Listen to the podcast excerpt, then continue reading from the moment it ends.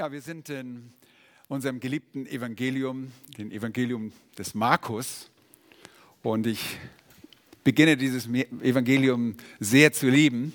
Das ist immer so, wenn man sich mit einem Text länger beschäftigt, dann äh, bekommt man auf einmal den Puls des Schreibers und es äh, ist einfach so begeisternswürdiges Wort. Wir sehen, wie dort Markus sich bemüht, den Herrn Jesus Christus, den Sohn Gottes, vorzustellen und das Evangelium von unserem Herrn Jesus Christus. Und so beginnt Markus sein Evangelium, indem er uns den Sohn Gottes vor Augen malt. Das wunderbare Evangelium seines Sohnes. Er wollte Jesus als den vorstellen, der er wirklich war. Und so kam Jesus auch. Und sein ganzer Dienst zielte darauf ab, das Evangelium vom Reich Gottes zu verkündigen und lehren. Und daran hat sich auch bei seinen Nachfolgern, seinen unmittelbaren Nachfolgern, seinen Jüngern und auch uns bis heute nichts geändert.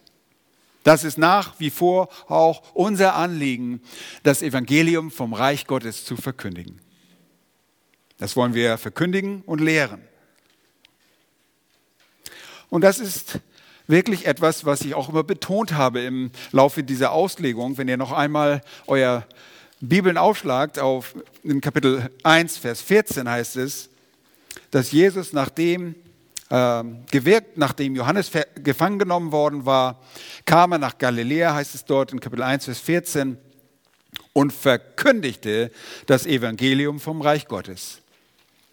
Verkündigung war seine Methode die Offenbarung der Wahrheit. Was wollen wir mehr? Er verkündigte das Evangelium und das Reich Gottes wird mit Menschen gebaut.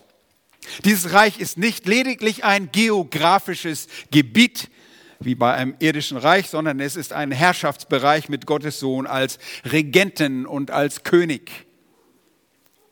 Für uns, die wir das Evangelium angenommen haben, die gute Nachricht von Jesus Christus, ist Christus, der Sohn Gottes, König für uns geworden. Nun, er herrscht als König, das tut er eh und je. Er herrscht über seine ganze äh, Schöpfung, über das ganze Universum. Nun, das können Menschen annehmen oder sie können es stehen lassen. Wir wissen, dass es die Wahrheit ist. Seitdem wir Kinder Gottes geworden sind, sind wir versetzt worden aus dem Reich der Finsternis in das Reich seines lieben Sohnes. Und wir haben ein Reich und in einem Reich muss es immer einen Regenten geben, einen Herrscher. Und das ist Gott, der Sohn Gottes, der für uns als König regiert. Er regiert unsere Herzen. Nach ihm richten wir uns aus. Und so gibt es ein Reich, ohne dass wir das äh, lokal begrenzen müssen. Es ist verteilt auf dieser Erde unter den Menschen, die ihm dienen und ihm gehorchen wollen. Für uns, die wir das Evangelium angenommen haben. Aber nur, wenn wir die gute Nachricht von Jesus Christus leben, ist Christus, der Sohn Gottes, König geworden. Und wir sind versetzt in das Reich seines lieben Sohnes.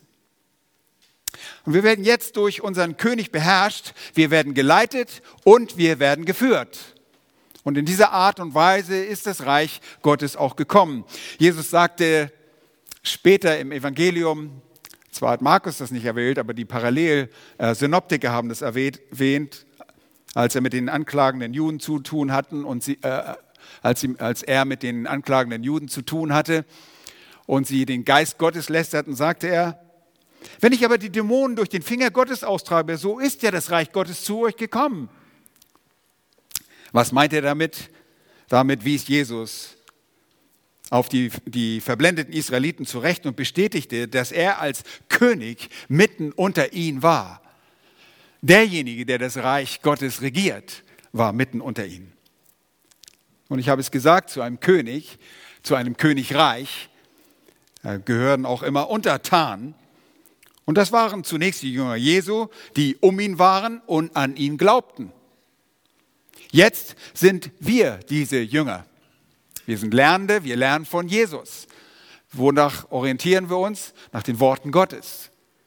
Wir haben nicht den Koran vorlegen oder eine neue Weltübersetzung, die verzerrten äh, Schriften anderer Religionen, sondern wir haben die Wahrheit vor uns und wir richten uns nach dem aus, was Gott sagt. Wir sind Jünger und er beherrscht durch diese Worte unser Leben. Und das ist kein widerwilliges Herrschen, sondern wir folgen ihm liebend gern, weil wir wissen, das sind die richtigen Worte.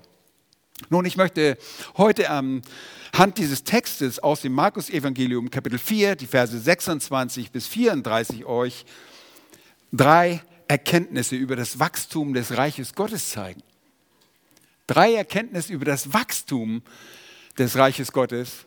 Und es hat auch einen Zweck. Ich möchte, dass ihr ermutigt werdet, dass ihr gestärkt werdet, aber gleichzeitig auch ermahnt seid durch das, was hier geschrieben steht. Lass mich den Text lesen aus der Schlachterübersetzung Markus Kapitel 4, die Verse 26 bis 34. Und er sprach, mit dem Reich Gottes ist es so, wie wenn ein Mensch den Samen auf die Erde werft und schläft und aufsteht, Nacht und Tag. Und der Same keimt und geht auf, ohne dass er es weiß. Denn die Erde trägt von Selbstfrucht. Zuerst den Halm, danach die Ähre, dann den vollen Weizen in der Ähre. Wenn aber die Frucht es zulässt, schickt er sogleich die Sichel hin, denn die Ernte ist da. Und er sprach, womit sollen wir das Reich Gottes vergleichen?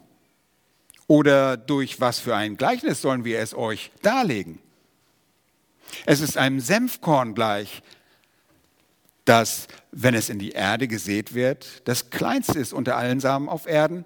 Und wenn es gesät ist, geht es auf und wird größer als alle Gartengewächse und treibt große Zweige, sodass die Vögel des Himmels unter seinen Schatten nisten können. Vers 33. Und in vielen solchen Gleichnissen sagt er ihnen das Wort, wie sie es zu hören vermochten. Ohne Gleichnis aber redete er nicht zu ihnen. Wenn sie aber alleine waren, legte er seinen Jüngern alles aus. Soweit der Text für die Predigt. Die erste Erkenntnis, die wir aus dem ersten Gleichnis, hier gibt es nämlich zwei Gleichnisse, die erste Erkenntnis, die wir aus dem ersten Gleichnis gewinnen, ist, das Reich Gottes wächst erfolgreich ohne menschliche Einflussnahme, ohne menschliches Hinzutun, ohne menschliche Weisheit. Markus macht es hier einen kleinen Wechsel. Wenn wir uns die Verse anschauen, dann beginnen die Verse 11, 13 und 21 alle mit dem Satz, und er sprach zu ihnen. Es fällt auf, und er sprach zu ihnen, und er sprach zu ihm. Das sind die Jünger selbst und alle, die um ihn waren, die ihn liebten. Jetzt auf einmal in Vers 26 und Vers 30 beide Gleichnisse beginnen, und er sprach. Markus bringt uns jetzt zwei Gleichnisse, die er jetzt wieder zum anwesenden Volk spricht. Zuvor hat er seine Jünger beiseite gezogen und hat diese Gleichnisse ihnen erklärt. Nun, das Erste, was wir sehen, der Herr erreicht seine Ziele des Wachstums ohne Hinzutun der Menschen. Nun, ich möchte euch dieses Gleichnis ein bisschen erklären. Das Gleichnis zeigt uns einen Landmann. In den drei Phasen seiner gewöhnlichen Tätigkeit als Sämann, ein Bauer. Ein Bauer macht natürlich mehr als nur säen, aber hier sind die drei Phasen einer ganz gewöhnlichen Aussaat und des Wartens und des Erntens. Vom Sehen der Saat bis zur Ernte. Er sät, er geht seinem normalen Leben nach, nachdem er gesät hat, das wird hier ausgedrückt, Tag und Nacht, und er weiß nicht mal, was da vor sich geht. Ähm, und dann wartet er auf das Gedeihen der Saat, das Keimen, das Aufwachsen des Halmes, die Entstehung der Ehre. Und dann erntet er, beziehungsweise schickt Ernter oder solche, die die Ernte einbringen, sobald die Zeit dafür da ist. Also die Beschreibung des alltäglichen Lebens eines Bauern, so wie es hier unter gewöhnlichen Umständen eines x-beliebigen Seemanns laufen würde, lässt sich, sagt Jesus, mit dem Reich Gottes vergleichen. Hier geht es nicht um jedes Detail aus diesem Gleichnis, das wir auf das geistliche Leben anwenden sollen oder auf das Reich Gottes anwenden sollen. Nein, hier geht es um Wachstum des Reiches. Hier geht es, und das ist der Schwerpunkt, das wird sehr deutlich, je länger man darüber nachdenkt, sehr deutlicher wird es. Hier geht es nicht um die Details, sondern hier geht es darum zu erkennen, dass es um Wachstum geht. Der Seemann geht anderen Verpflichtungen nach, dem, nachdem er gesät hat und weiß, dass er nur was machen kann? Warten. Er kann nur warten. Dieser Seemann war völlig unbesorgt. Er hat sich nachts hingelegt, schlafen gegangen, wieder aufgestanden, seinen Geschäften nachgegangen, seine, nach seinen Tieren geguckt, die Kühe gemolken, was immer auch dann war. Nun, er wusste, ich muss warten. Worauf wartet er? Nun, er wartete, dass Gott Gedeihen und Wachstum schenkt. Wisst ihr, wir können, er konnte nicht mal wässern. Ich weiß nicht, wie weit die Irrigationsanlagen in Israel zu der Zeit waren. Sollte ich vielleicht auch noch mal erforschen, aber ich weiß, dass die Israeliten sehr darauf angewiesen waren, dass Gott ihnen Regen schenkte. Ja, der kam ja nicht mit einem Gartenschlauch rein und hat irgendwo seinen Generator angeschmissen und hat alles bewässert. Aber die Felder mussten von Gott bewässert werden. Und er wartete darauf, dass Gott es gedeihen ließ. Er wusste selbst, ich kann nicht nachts rumgehen und zur Saat laufen und ausbuddeln und diese, dieses Korn nehmen, das ich gesät habe und ein bisschen drücken, ein bisschen nachhelfen, damit die, endlich das Keim beginnt und ein bisschen an diesem Halm ziehen, damit es schneller geht. Nein, das konnte er nicht. Und ihr erinnert euch sicherlich an die Worte des Paulus im ersten Korintherbrief, Kapitel 3 und Vers 6. Da sagt Paulus, ich habe gepflanzt, das spricht, entspricht dem Sehen. Apollos hat begossen, Gott aber hat das Gedeihen gegeben. Bis heute weiß kein Mensch, warum diese Samenkörner auf einmal anfangen zu sprießen. Ja, man kann sagen, ja, natürlich, sie kriegen Nahrung, sie kriegen Feuchtigkeit. Aber warum das so ist, das ist, weil Gott es dort hineingelegt hat und weil Gott Gedeihen schenkt. Und so sagt Paulus, so ist weder der etwas, welcher pflanzt noch welcher begießt, sondern Gott, der das Gedeihen gibt. Und hier im Gleichnis gibt es nicht einmal das Begießen. Es gibt es nicht. Wir sehen kein Begießen. Denn Gott bewässert die Felder durch Regen. Aber wisst ihr was? Der Bauer kümmert sich nicht darum. Alles okay. Ich habe meinen Teil getan. Er geht seinen anderen Verpflichtungen nach, denn er weiß, dass er nicht ständig ängstlich an die Saat denken kann und das auch nicht tun muss. Nun, hört einmal, was er hier in Vers 28 sagt. Was steht da? Denn die Erde trägt von selbst Frucht. Das ist ein interessantes Wort, das dort benutzt wird, das Wort Automate. Davon haben wir den Automaten. Das ist automatisch. Die Frucht kommt automatisch hervor. Keine anderen Aktivitäten erforderlich. Nun, der Seemann bringt dann letztlich nur die Ernte ein, die Gott hervorbringen lässt. Nun, und wisst ihr was? Im Geistlichen, auf das Reich Gottes bezogen, ist es genau so. Es wird gesät, es wird das Wort ausgestreut und dann warten wir, dass Gott wirkt. Wir können nichts tun. Wir können nichts tun. Gott besitzt ausreichende Kraft, um Wachstum zu bewirken. Wie macht er das? Er macht es, und das betonen wir sehr häufig, durch sein wunderbares Wort. Sein Wort ist der Same, sein Wort ist die Kraft der Veränderung.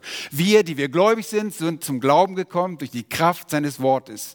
Dieses Wort hat uns überzeugt, dass wir das sind, was das Wort Gottes sagt, nämlich elende Sünder, Elend die Sünder, die nicht zu Gott kommen, es sei denn, dass wir Buße tun und umkehren und sagen, Herr, sei mir Sünder gnädig. Was sagt die Schrift dann? Wenn wir zu ihm kommen, in aller Demut, lässt er sich erbarmen. Und er vergibt uns unsere Schuld. Wisst ihr was? Das kann keiner in euch bewirken. Gott braucht keine Manipulatoren, er braucht niemanden, der manipuliert. Er besitzt genug ausreichende Kraft, um sein Reich zu bauen. Er ist auf niemanden angewiesen und schon gar nicht auf seine eigene Schöpfung. Könnt ihr euch vorstellen? Ihr baut ein Produkt, ihr stellt ein Produkt her und denkt, ah, das Produkt muss mir jetzt helfen, mein Leben zu retten. Nein, Gott ist nicht auf seine Schöpfung angewiesen. Er braucht keinen Einfluss von Menschen. Der Herr bedarf keiner, zweitens, keiner menschlichen Manipulation, um das Wachstum seines Reiches zu erreichen. Er braucht keine Psychologie und er braucht sonst keine andere Philosophie. Nun, Psychologie ist eine Art der Philosophie. Ich zerlege das Wort gerne für euch. Philosophie, Phileo, die Liebe der Sophia, der Weisheit, der menschlichen Weisheit. Gott braucht keine menschliche Weisheit.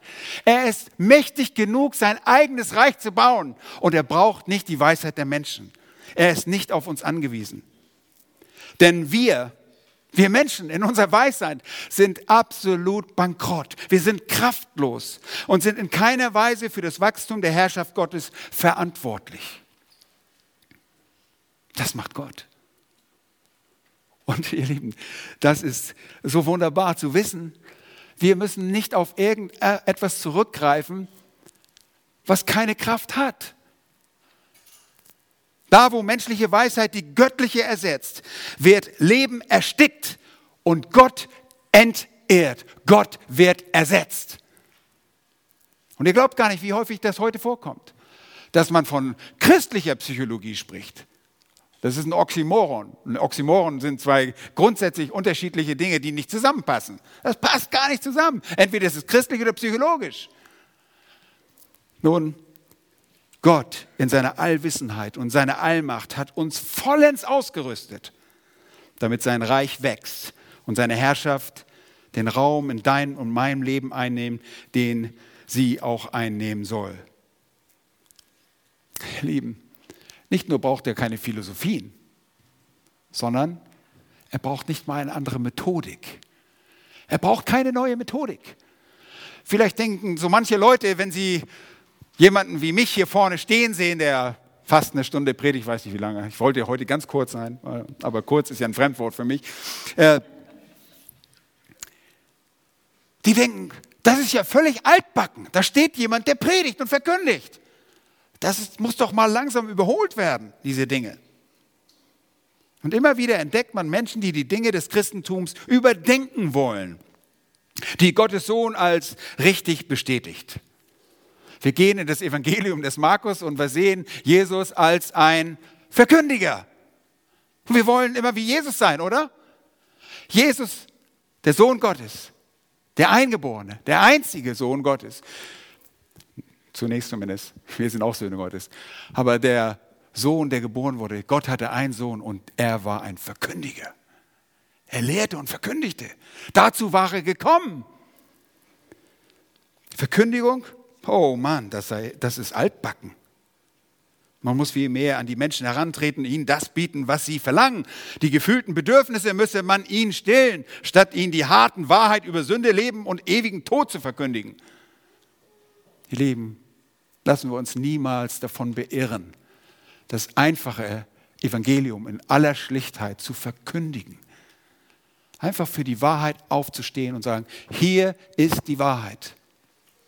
Deshalb auch die Mahnung, wer Ohren hat, der höre. Hör zu. Du wirst eines Tages Rechenschaft abgeben für das, was du gehört hast. Das ist so ernst, so absolut ernst.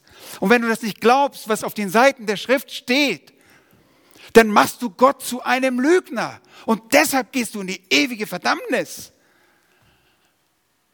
Es ist eine Sache, wenn du Gott für eine Weile ignorierst und denkst, ach ja, naja, aber du machst ihn zu einem Lügner. Du sagst, Gott, was du gesagt hast, ist falsch. Das, was der Prediger da vorne sagt, das ist ein, eine Lüge. Und letztlich ist es Gottes Wort.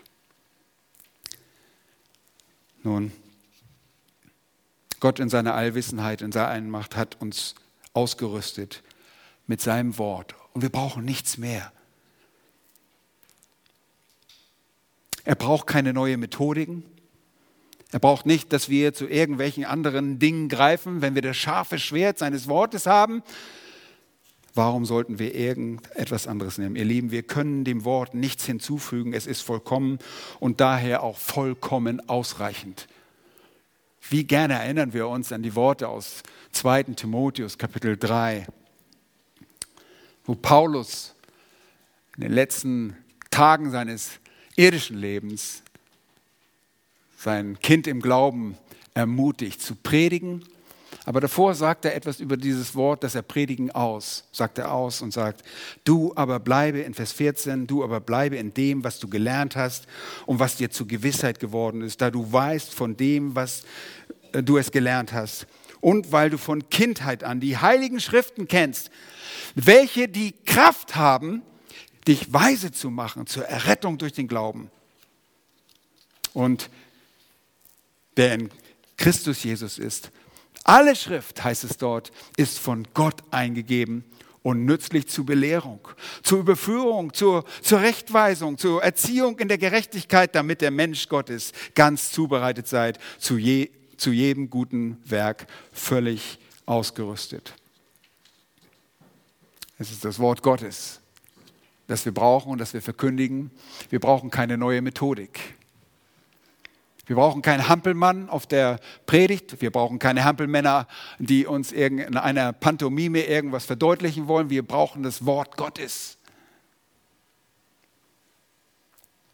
Und dennoch sind wir abgelenkt. Und schon damals waren die Leute abgelenkt. Paulus schreibt den Kolossern aus dem Gefängnis aus Rom, schreibt er, habt Acht, dass euch niemand verführe oder beraubt durch die Philosophie und leeren Betrug gemäß der Überlieferung der Menschen, gemäß den Grundsätzen der Welt und nicht Christusgemäß. Leben Psychologie und Philosophien, das waren schon Probleme damals. Und heute genauso. Keine neuen Inhalte, keine neue Methodik. Gott ist durchaus in der Lage, sein Reich zu bauen. Das Fazit ist, das Reich Gottes wächst erfolgreich ohne deine und meine klug ersonnenen Ideen ohne menschliches Hinzutun.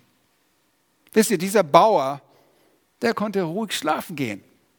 Er ging jetzt vielleicht ins Gebet, hat gesagt, Herr, lass es regnen. Aber wir können nichts dazu tun. Wir verkündigen das Wort und wenn wir ungläubige Menschen erretten könnten durch irgendeine andere Art und Weise, dann würden wir das tun. Aber es ist nicht möglich. Wenn wir sie erkaufen könnten, durch eine hohe Geldsumme, dann würden wir alle sparen, würden wir Leute freikaufen durch unser Ersparnisse. Ist es nicht so? Wir würden unsere Häuser verkaufen und wir würden alle Leute freikaufen. Aber es ist nicht so. Gott macht es durch sein mächtiges Wort. Es schneidet in unser Herzen, es lässt es bluten, es, lässt, es verletzt uns, es zeigt uns, wer wir sind und dann heilt es uns und gibt uns Vergebung. Und das Zweite, die zweite Erkenntnis das ist das zweite Gleichnis. Das Reich Gottes wächst immens. Das heißt, es wächst enorm, trotz anfänglicher Unscheinbarkeit. Es wächst immens, trotz anfänglicher Unscheinbarkeit. Lass uns den Text noch mal kurz lesen, Vers 30. Und er sprach, womit sollen wir das Reich Gottes vergleichen? Oder durch was für ein Gleichnis sollen wir es euch darlegen? Es ist einem Senfkorn gleich, das, wenn es in die Erde gesät wird, das kleinste unter allen Samen auf Erden. Und wenn es gesät ist, geht es auf und wird größer als alle Gartengewächse und treibt große Zweige, so dass die Vögel des Himmels unter seinem Schatten nisten können. Nun, ich weiß nicht, wie viel ihr über den Senf isst.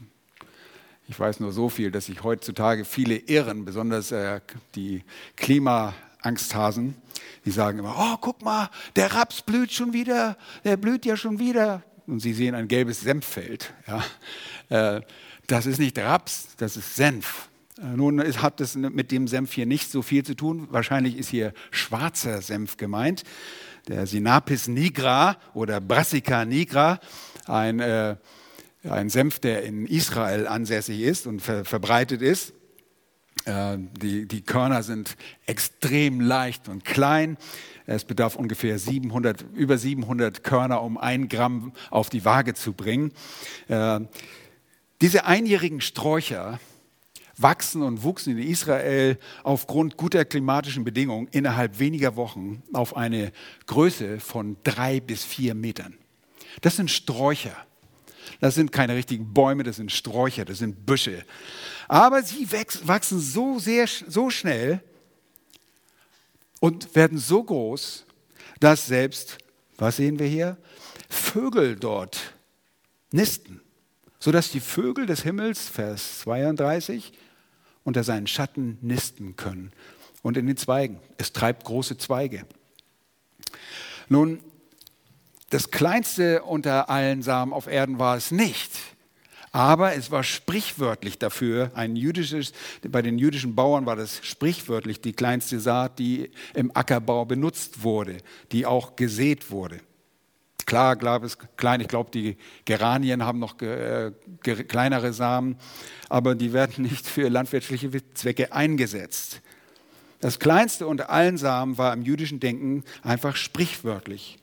Und bei diesem Gleichnis will Jesus auf den starken Kontrast zwischen dem kleinen Samenkorn, so wie es ausgesät wird, und der Größe dieses Strauches hinaus, zu dem es heranwächst. Drei bis vier Meter groß, in der Regel nur so anderthalb Meter groß, aber durchaus äh, auch drei bis vier Meter groß. Nun, warum will er darauf hinaus? Weil dieser Senfkorn-Kontrast, den Kontrast seines Reiches sehr ähnlich, benutzt er genau dieses Gleichnis. Was ist da so ähnlich? Nun, sein Reich beginnt klein. Es, wächst sehr, es ist sehr unscheinbar. Fängt mit ein paar Jüngern an, die er sich in die Nachfolge ruft und es wächst heran zu einer globalen Herrschaft. Endet in universaler Herrschaft, das Universum eingeschlossen, das tut er übrigens jetzt schon, aber er wird herrschen über die ganze Welt. Nun, das erste ist die Unscheinbarkeit der Herrschaft Jesu, seinem Reich, in seinem Reich. Nun, diese Unscheinbarkeit ist sehr deutlich. Jesus kommt als ein Mensch auf diese Welt und niemand denkt, hier ist der König der Könige, der Schöpfer aller Dinge. Er wird verkannt, obwohl er seine Autorität immer wieder unter Beweis stellt. Wie tut er das? Hier schaut in dieses Wort Gottes. Als erstes widersteht er dem Satan in der Versuchung. Er zeigt den Dämonen ihren Weg. Er ist der Herr über die Krankheiten. Er ist Herr über Natur. Er treibt unreine Geister aus und heilt Unreinheiten. Er ist absolut in Kontrolle und zeigt, dass er tatsächlich der Sohn Gottes ist. Aber es gibt trotzdem eine täuschende Unscheinbarkeit des Menschensohnes. Und ich habe das äh, bei der letzten Predigt, die wir zu dritt gehalten haben, ein bisschen angedeutet. Denn die Schrift lehrt, dass sich in der Menschwerdung der ewige Sohn, die zweite Person der Gottheit, wir glauben an den dreieinigen Gott, ohne seine göttliche Natur oder irgendeine der göttlichen Eigenschaften zu ändern, selbst zu jemand machte ohne Ansehen. Er sieht ohne Ansehen aus. Keiner hat geahnt, dass das der König der Könige ist. Wo ist er geboren? In irgendeiner Hütte da im Bethlehem, in so einem Stall. Muss er aufpassen, dass er nicht angeknappert wurde. Ja, ohne Ansehen. Und zwar durch die Annahme der menschlichen Natur. Jesus Christus, der ewige Gott, wurde wahrer Mensch, absolut wahrer Mensch und in der Natur uns gleich, jedoch ohne Sünde. Und die Schrift lehrt auch, dass er vom Heiligen Geist im Schoß der Jungfrau Maria empfangen und so von einer Frau geboren wurde, sodass zwei ganze vollkommen unterschiedliche Naturen die göttliche und die menschliche, in einer Person verschmolzen wurden, ohne Vermischung. Das, darauf legen wir als Theologen sehr viel Wert, ohne Vermischung, Veränderung und Teilung oder Trennung. Er ist daher wahrhaftig, völlig wahrer Gott, sowie wahrhaftig und völlig Mensch. Jedoch ein Christus, der alleinige Mittler zwischen Gott und den Menschen. Nun, das sind theologische Wahrheiten, die nicht jeder sofort gesehen hat. Man konnte ihm das nicht von auf der Stirn ablesen. Man konnte nur das feststellen, wenn er geredet hat und wenn er seine Kraft bewiesen hat. Er stellte seine Autorität unter Beweis. Er verkündigte nicht nur, nicht nur, sondern er hatte immer Mitgefühl, mit Barmherzigkeit, hat sich der Kranken erbarmt. Er hatte Kontrolle über die Natur. Nun, die Schrift lehrt, dass in seiner Menschwerdung Christus seine göttliche Natur und Eigenschaften vollkommen besaß. Er hat sie nicht aufgegeben. Er hat nicht gesagt, oh, jetzt höre ich auf, Gott zu sein, ich, ich lege das mal einfach weg. Aber er brachte im Stande seiner Demütigung die Herrlichkeiten seiner Majestät nicht immer voll zum Ausdruck, sondern verbarg diese hinter dem Schleier seiner wahren Menschlichkeit. Versteht ihr das? Da war der, der Mensch, Jesus Christus, gleichzeitig wahrer Gott. Und man sah seine Gottheit nicht, denn niemand konnte Gott sehen. Alle, die Gott jemals gesehen hatten oder den Engel des Herrn, wo wir glauben, dass es der Sohn, der präinkarnierte Herr Jesus Christus ist, die fielen um wie tot. Wir haben gesagt, ich muss sterben. Ja, ich habe den Herrn gesehen. Man konnte nicht Gott unverschleiert sehen. Man konnte seine Herrlichkeit nicht sehen. Und so ist seine Gottheit verschleiert in seiner menschlichen, hinter dem Schleier seiner wahren Menschlichkeit. Und gemäß seiner menschlichen Natur handelt er in Unterwerfung unter den Vater durch die Kraft des Heiligen Geistes.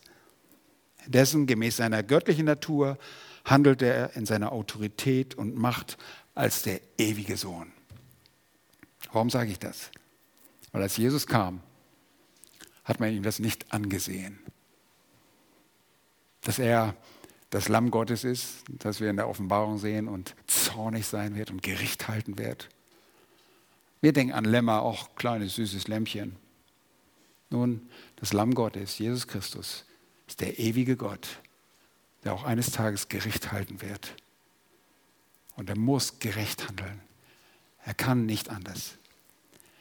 Und das ist die Unscheinbarkeit. So tritt er auf und er ruft sich ein paar Männer ins Gefolge und die religiöse Elite hat gedacht, oh Backe, was ist das für ein Haufen Fischer und äh, irgendwelche einfachen Leute, da ist ja nicht mal ein Gelehrter dabei. Was sind das alles für Typen? Sein Reich begann mit diesen zwölf Jüngern, einer Schar, die sich um ihn lagerte. Und die Dinge sahen äußerlich und oberflächlich betrachtet gar nicht so vielversprechend aus. Und man könnte denken, Jesus, was ist dein Plan B? Was ist denn, wenn diese zwölf Leute versagen?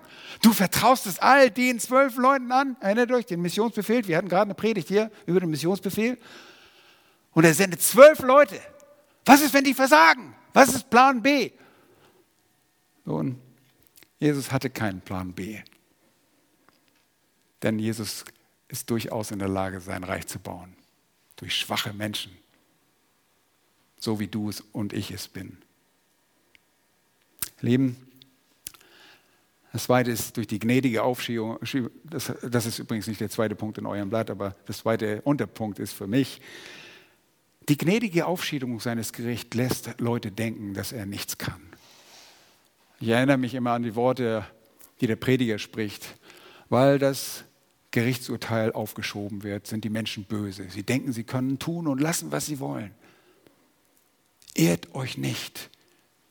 Das, was der Mensch sieht, das wird er ernten. Es wird Gericht geben über jedes Wort, das wir gesprochen haben. Und wenn du nicht jemanden hast, der dich im Gericht vertritt, dann kannst du in diesem Gericht nicht verstehen, bestehen. Du wirst verurteilt werden. Deshalb komm zu Jesus, damit du Teil seines Reiches wirst. Nun, das Zweite ist, dieses Reich wächst an. Und es wächst an die globale Reichweite der Herrschaft ist das Zweite, die globale Reichweite. Und wir sehen, wie sich das Reich ausweitet, nachdem Jesus in Apostelgeschichte 1 gen Himmel fährt. Kommen wir zu Apostelgeschichte 2, der Heilige Geist kommt, Petrus legt Zeugnis ab und es kommen Menschen zum Glauben. Die Gemeinde wächst auf 3000 zunächst und später lesen wir zu 5000 Seelen. Und dann streut sich das Evangelium aus, zunächst dort in der Gegend und schon sehr bald machen sich die Apostel auf und verkündigen das Wort auch an anderen Orten. Paulus wird berufen, der Heidenmissionar, der hinausgeht, das Evangelium bis nach Europa trägt. Das Reich Gottes breitet sich aus, immer noch in Unscheinbarkeit. Und diese Unscheinbarkeit ist heute noch da. Diese Schwachheit. Wir gucken unsere Gemeinde an und sitzen hier ein paar Leute. Das ist das Reich Gottes. Das sind die, die zu Gott gehören. Wir gucken an, was sitzen hier für Leute. Sind hier besondere Akademiker, irgendwelche hochrangigen äh, Fürsten und äh, Politiker unter uns? Nein. Wir sind der Abschaum. Wir sind sogar der Abschaum dieser Welt, sagt Paulus. Wir sind die Einfachen. Wir sind das ganz einfache Fußvolk. Das ist die Unscheinbarkeit des Reiches. Aber wisst ihr was? Das wächst heran zu einer globalen Herrschaft, wenn Jesus wiederkommt. In der ersten Stunde haben wir davon gehört, von dem Millennium, von dem irdischen Reich, das hier aufgebaut wird, auf dieser Erde, wenn Jesus Herrscher sein wird. Wir können diese Stellen nicht alle nachschlagen, was ich mir schon wieder alles, alles aufgeschrieben habe. Ich weiß auch nicht warum. Aber in Offenbarung 19 kommt Jesus wieder und wir folgen ihm auf weißen Pferden. Leute, nehmt Reitkurse, damit ihr nicht vom Pferd fallt. Und wir folgen ihm, wenn er kommt auf dem Ölberg wieder, Sacharja 14, dann werden seine Füße auf dem Ölberg stehen. Apostelgeschichte 1 sagt das, wenn er kommen wird, wird er auf dem Ölberg wiederkommen und wird sein Reich aufbauen und es wird ein König sein.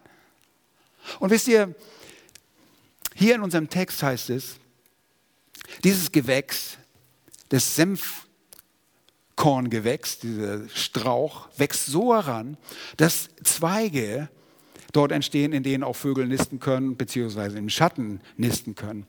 Und das ist eine gewöhnliche Ausdrucksweise, die im Alten Testament gebraucht wird, um zum Ausdruck zu bringen, dass Nationen zu Gott kommen werden. Im Alten Testament, besonders in äh, Daniel Kapitel 4 sehen wir das, da hat Nebukadnezar einen Traum von einem großen Baum. Und bei diesem großen Baum gibt es Zweige und da gibt es äh, Vögel, die in diesen Zweigen sitzen und nisten. Und es ist ein Hinweis darum, darauf, dass die Nationen abhängig waren, sodass sich ab, äh, sogar Nebukadnezar unterordneten. Das sehen wir in Hesekiel Kapitel 17. Ähm, Könnt ihr gerne mal nachlesen. Ich habe die Stellen hier, wenn ihr sie wissen wollt. Aber äh, das ist ein Hinweis darauf, wie weit dieses Reich ist. Nationen werden nach Jerusalem reisen, das wissen wir. Die Nationen werden nach Jerusalem kommen, denn von Jerusalem wird Recht und Gerechtigkeit gelehrt. Und wer nicht nach Jerusalem reist, über dem, über dem wird es nicht regnen. Ja, Ägypten wird dort angeführt in Sacharja 14. Ihr Lieben, der Herr wird herrschen auf dieser Erde für tausend Jahre und er wird mit eisernem Stab herrschen. Und ihr Lieben, es ist wichtig, dass du jetzt dabei bist. Sonst wirst du nicht mitherrschen. Jesus hat gesagt, wer zu meinem Reich gehört, der wird mitherrschen. In diesen tausend Jahren werden wir mitherrschen, bevor, bevor dieses tausendjährige Reich in diesen ewigen Zustand übergeht, eine neue Himmel, eine neue Erde und das himmlische Jerusalem auf die neue Erde herabkommt. Wir werden für ewig an seiner Seite sein. Sein Reich ist ein ewiges Reich. Ich bin doch geneigt, ein Kapitel aufzuschlagen. In äh, Psalm Kapitel 47 kommt das so wunderbar zum Ausdruck. Psalm 47, dem Vorsänger von den Söhnen Choras, ein Psalm, klatscht in die Hände, ihr Völker alle, jauchzt Gott zu mit fröhlichem Schall. Denn Jahwe der Höchste ist zu fürchten, ein großer König über die ganze Erde. Er wird die Völker uns unterwerfen und die Nationen unter unsere Füße. Er wird unser Erbteil für uns erwählen, den Stolz Jakobs, den er geliebt hat. Gott ist aufgefahren mit Jauchzen, Jahwe mit Hörnerschall, Lob singt Gott, Lob singt, Lob singt unserem König, Lob singt. Denn Gott ist König der ganzen Erde. Lob singt mit Einsicht. Gott herrscht über die Völker. Gott sitzt auf seinem heiligen Thron. Die Edlen der Völker haben sich versammelt. Das Volk des Gottes Abrahams, den Gott gehören die Schilde der Erde. Er ist sehr erhaben. Schon in der Schriftlesung haben wir gelesen, er ist der Erbherr der Nationen, der Völker. Und das ist wahr. Er wird herrschen. Eine globale Herrschaft. Und das deutet dieses Gleichnis an. Und das Volk, wie ihr wisst, wie ihr wisst haben es nicht verstanden. Deshalb redete Jesus in Gleichnissen, damit sie es nicht verstehen. Erinnert euch daran? Diese Gerichtsbotschaft, die an das verstockte Volk erging, die bereits Gott gelästert hatten und Jesus gelästert hatten und sagen, das macht er im Namen Beelzebul, des Obersten der Dämonen. Im Namen Satans treibt er aus. Von da an spricht er nur noch in Gleichnissen mit ihm. Und das wird hier auch in diesem Text wiederholt, dass er nicht anders, Vers 34, ohne Gleichnis aber redete er nicht zu ihnen, damit sie nicht, damit sie mit hörenden Ohren hören, aber doch nicht verstehen, mit Augen sehen und doch nicht sehen würden und kapieren würden, nicht zur Erkenntnis kommen würden. Aber, das ist mein dritter Punkt, das Reich Gottes wächst durch Ausübung treuer Haushalterschaft. Und du sagst, Borchmann, wo siehst du das denn? Nun, das sind die Verse 33 und 34. Ich lese euch diesen Text. Ohne Gleichnis aber redete er, Entschuldigung, und in vielen solchen Gleichnissen sagte er ihnen das Wort, wie sie es zu hören vermochten. Und dann Vers 34, ohne Gleichnis aber redete er nicht zu ihnen. Wenn sie aber alleine waren, legte er seinen Jüngern alles aus. Ihr erinnert euch, selbst bei den einfachen Gleichnissen vom vierfachen Ackerboden haben sie irgendwie nicht ganz kapiert, nicht geschnackelt, was da vor sich ging. Und der Herr erklärte es alles. Und jetzt ist Gott, der Sohn Gottes, so gnädig und er legt ihnen alles aus. Und sie kommen zum Verständnis. Und wisst ihr, was das ist? Das ist Anvertrauen von Geheimnissen. Ja? Er geht nur zurück und erinnert euch an die Verse, die gesprochen werden, da, die Worte, die gesprochen werden in Vers 11. Er sagt, euch ist es gegeben, das Geheimnis des Reiches Gottes zu erkennen. Denen aber, die draußen sind, denen ist es nicht gegeben, wird alles in Gleichnissen zuteil. Und dann sagt er das. Das ist ein richterliches Handeln äh, dem Volk Israel gegenüber, weil sie verstockt waren. Sie waren bereits verstockt und ihre Augen waren verklebt. Aber hier nimmt er seine Jünger beiseite und erklärt ihnen das Wort Gottes. Er vertraut ihnen diese Geheimnisse an. Und das erinnert wiederum an Paulus, wenn er sagt, dafür halte uns jedermann für Christi, Diener und Haushalter über die Geheimnisse Gottes. Haushaltung üben mit dem, was er äh, anvertraut hat. Also doch menschliches Hinzutun. Hast du nicht gerade gesagt, das Reich Gottes wird ohne menschliches Hinzutun ge gebaut? Nein, Gott lässt den Menschen gnädigerweise mitwirken aber die Mittel des Mitwirkens sind göttliche. Das ist alles Gottes Werk. Was können wir nämlich tun bei dem Mitwirken?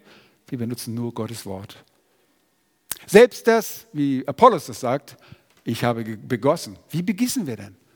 Was ist geistliches Begießen? Wir bringen jemand nur das Wort Gottes. Das, was, das Wort Gottes ist Saat, aber es ist gleichzeitig auch das Wasser, womit wir begießen. Wir bringen nur das Wort Gottes. Wir bringen nicht irgendwelche klugen äh, Vernunftsschlüsse, die wir entdeckt haben oder irgendwelche Dinge, die wir entdeckt haben, sondern wir bringen nur das Wort Gottes. Wir sind Botschafter an seiner Stadt. Wir predigen nicht uns, sondern Jesus Christus. Und da, wo wir mitwirken, geschieht dies durch die Gaben, die Gott gegeben hat. Das sind zum einen Männer, könnt ihr nachlesen in, Apostel, äh, in Epheser Kapitel 4, äh, Propheten und Apostel, und Evangelisten und Hirten und Lehrer. Das ist auch eine Gabe. Aber die, was machen die? Was mache ich als Hirte? Ich bringe euch nur das Wort Gottes. Ich sage nicht, Borchmanns Grundsatz ist so und so. Pff, wen interessiert das? Will keiner wissen. Wir wollen Gottes Wort. Und die anderen Gaben, die Geistesgaben, sind auch Gaben von Gott. Die hat der Geist Gottes gegeben, damit die Gemeinde gebaut werden kann, damit sein Reich gebaut werden kann. Und deshalb immer noch keine mit. Wir dürfen mitwirken, aber wir können nichts dem hinzufügen. Wir werden nicht Wachstum bewirken. Das macht Gott selbst. Das Gedeihen kommt von ihm allein. Nun, nur da, wo das Wirken mit dem, seinem Willen, seinem Wort in Übereinstimmung steht, äh, Übereinstimmung steht, bewirkt es Wachstum seiner Herrschaft, weil Gott selbst durch das wirkt, was wir anwenden. Okay? Deshalb verlassen wir uns auf das Wort Gottes. Können wir anders Gemeinde bauen? Oh ja, wir können. Aber wisst ihr was? Es bringt nichts. Ich werde euch nicht im Himmel treffen. Wir können was sage ich immer? Christlichen Bauchtanz anbieten. Was, was meinst du, wie schnell hier alles voll wird? Wie sich das rumspricht? Hier in der Nachbarschaft. Christliches Freibier. Ho, ja, die Christen da in der Wustrower Straße 52, da gibt es Freibier. Ich, der Lade wird hier knackevoll. Oder irgendwelches Entertainment, ja? Irgendwelche super Witze oder Komiker hier anstellen. Das wird voll. Aber wisst ihr was? Wir sehen uns nie im Himmel wieder. Weil die Menschen brauchen das Wort Gottes zur Veränderung. Nun, der erste Punkt ist, das Gericht ist gleichzeitig Privileg des anvertrauten Gutes. Für die einen ist es Gericht, das Gericht ist gleichzeitig Privileg des anvertrauten Gutes. Er erzählt Gleichnisse und für die einen ist es Gericht, weil sie kapieren das nicht. Die Juden haben gesagt, ach, was erzählt er da schon wieder von irgendwelchem Ackerbau und von irgendeinem Samen? Die haben das nicht kapiert, die verstehen das nicht. Der unerlöste Mensch versteht die Wahrheit vom Kreuz nicht. Es ist ihm eine Torheit aber uns, die wir das Wort Gottes lieben, sind es Wahr, Wahrheiten, die uns ermutigen. Ist es nicht wunderbar zu wissen, dass der Herr sein Reich baut? Es hängt nicht an mir. Als ich das mal begriffen hatte als Prediger, das, das nimmt dir so eine Last von den Schultern. Meine Verantwortung, und das ist groß genug, ist, das Wort Gottes richtig zu verstehen und richtig zu kommunizieren. Mehr, um mehr brauche ich mir keine Sorgen machen. Ich kann nicht durch irgendwelche Manipulation oder Seelenmassage oder sonst irgendwelche Dinge zu euch kommen und sagen, du musst jetzt wachsen, du musst jetzt wachsen. Nein, Gott schenkt das Gedeihen. Und ich weiß, hier wird nur, ich, so bin ich verändert, so werde ich verändert. Wir werden geheiligt durch das Wort Gottes. Das Gericht ist deshalb für uns ein Privileg. Diese Gerichtsbotschaft, diese Gleichnisse sind für uns ein Privileg. Das sind Geheimnisse, die nicht Geheimnisse bleiben. Wir haben schon gehört, das Licht ist nicht dazu da, dass es unter einen Scheffel gestellt wird oder unter ein Bett, sondern es ist immer äh, äh, intrinsisch, dass man oder selbstverständlich, dass man das ans Offene bringt. Das Wort Gottes muss verkündigt werden. Und das ist unsere Verantwortung. Deshalb wächst das Reich Gottes durch die Ausübung treuer Haushalterschaft. Und wenn hier auf einmal Leute zum Glauben kommen, dann kann ich nicht sagen, oh, du hast richtig gut gemacht, das war dein Wort und deine, deine Kraft. Nein, es ist alles Gottes Kraft. Ihm allein sei die Ehre dafür. Das Zweite ist, die intrinsische, angeborene oder innerliche, ich weiß nicht, wie ich es ausdrücken soll, Verantwortung der Erkenntnis Gottes ist, wir können es nicht für uns behalten. In Epheser 3 sagt Paulus, spricht er von dieser Haushalterschaft, die ihm anvertraut war. Er sagte in Epheser 3, Vers 2 und 3, ihr habt ja gewiss von der Haushalterschaft der Gnade Gottes gehört, die mir für euch gegeben worden ist, dass er mich das Geheimnis durch Offenbarung wissen ließ, wie ich es zuvor kurz beschrieben hatte. Das hat er in Kapitel 1 schon beschrieben. Wisst ihr was? Uns sind Geheimnisse anvertraut worden. Nicht damit wir einen Privatclub irgendwo haben, und sagen, ey, komm, weißt du noch das Geheimnis, das wir aus der Bibel gelernt haben? Es ist dazu da, dass wir es weitersagen. Aber die Zeit war zu dem Zeitpunkt noch nicht reif. Die Jünger wurden gerade zugerüstet, die waren gerade in der Lehre. Die haben das selber noch nicht verstanden. Und dann irgendwann war es soweit. Und dann sagte Jesus so, jetzt seid ihr dran. Jetzt sende ich euch. So wie mich der Vater gesandt hat, so sende ich euch. Jetzt seid ihr dran. Und so baut er sein Reich. Was für ein wunderbares Privileg. In Kolosse 1, 25 bis 28 sagt Paulus der Gemeinde in Kolosse, der Gemeinde, deren Diener ich geworden bin, gemäß der Haushalterschaft, die mir von Gott für euch gegeben ist, dass ich das Wort Gottes voll ausrichten soll. Nämlich das Geheimnis, das verborgen war, seitdem es Weltzeiten und Geschlechter gibt, das jetzt aber seinen Heiligen offenbar gemacht worden ist. Wer sind die Heiligen? Alle Gläubigen. Das ist nicht nur irgendwie ein Apostel, sondern du und ich, wir kennen diese Geheimnisse Gottes. Und dann sagt er weiter, ihn wollte Gott bekannt machen, was der Reichtum der Herrlichkeit dieses Geheimnisses unter den Heiden ist, nämlich Christus in euch, die Hoffnung der Herrlichkeit. Ihn verkündigen wir. Da haben wir es wieder. Da sind wir wieder am Anfang. Das ist es, die Methode. Ihn verkündigen wir, indem wir jeden Menschen ermahnen und jeden Menschen lehren in aller Weisheit, um jeden Menschen vollkommen in Christus Jesus darzustellen. Ihr Lieben, ich weiß nicht, mich ermutigt es sehr zu wissen, dass Gott sein Reich baut und dass er das erfolgreich baut, ohne unser Dazutun. Und dass es auch immens heranwächst, nämlich von der Unscheinbarkeit, der damaligen Unscheinbarkeit, der jetzigen Unscheinbarkeit. Unser kleiner Kümmeltrupp hier, wenn wir zusammenkommen. Wisst ihr was? Wir werden eines Tages an der Seite des, des Schöpfers stehen. Und er wird uns verherrlichen, wir werden verherrlichte Leibe haben. Und dann ist es eine globale Herrschaft. Oh, da kriege ich Gänsehaut, wenn ich daran denke. Aber zu wissen, mit unserem Herrn zu regieren und zu herrschen und ihn zu sehen. Und das Reich wächst, wenn du und ich, und das ist unsere Verantwortung, treu die Haushalterschaft ausübt, die er uns anvertraut hat. Die Geheimnisse nicht für uns behalten und sagen, wir sind geheim, eine Geheimloge. Nein, wir bringen diese Geheimnisse an den Menschen und erzählen sie von der Herrschaft unseres Herrn, der unser Herz regiert. Möge er noch viele zu sich rufen in seine Nachfolge.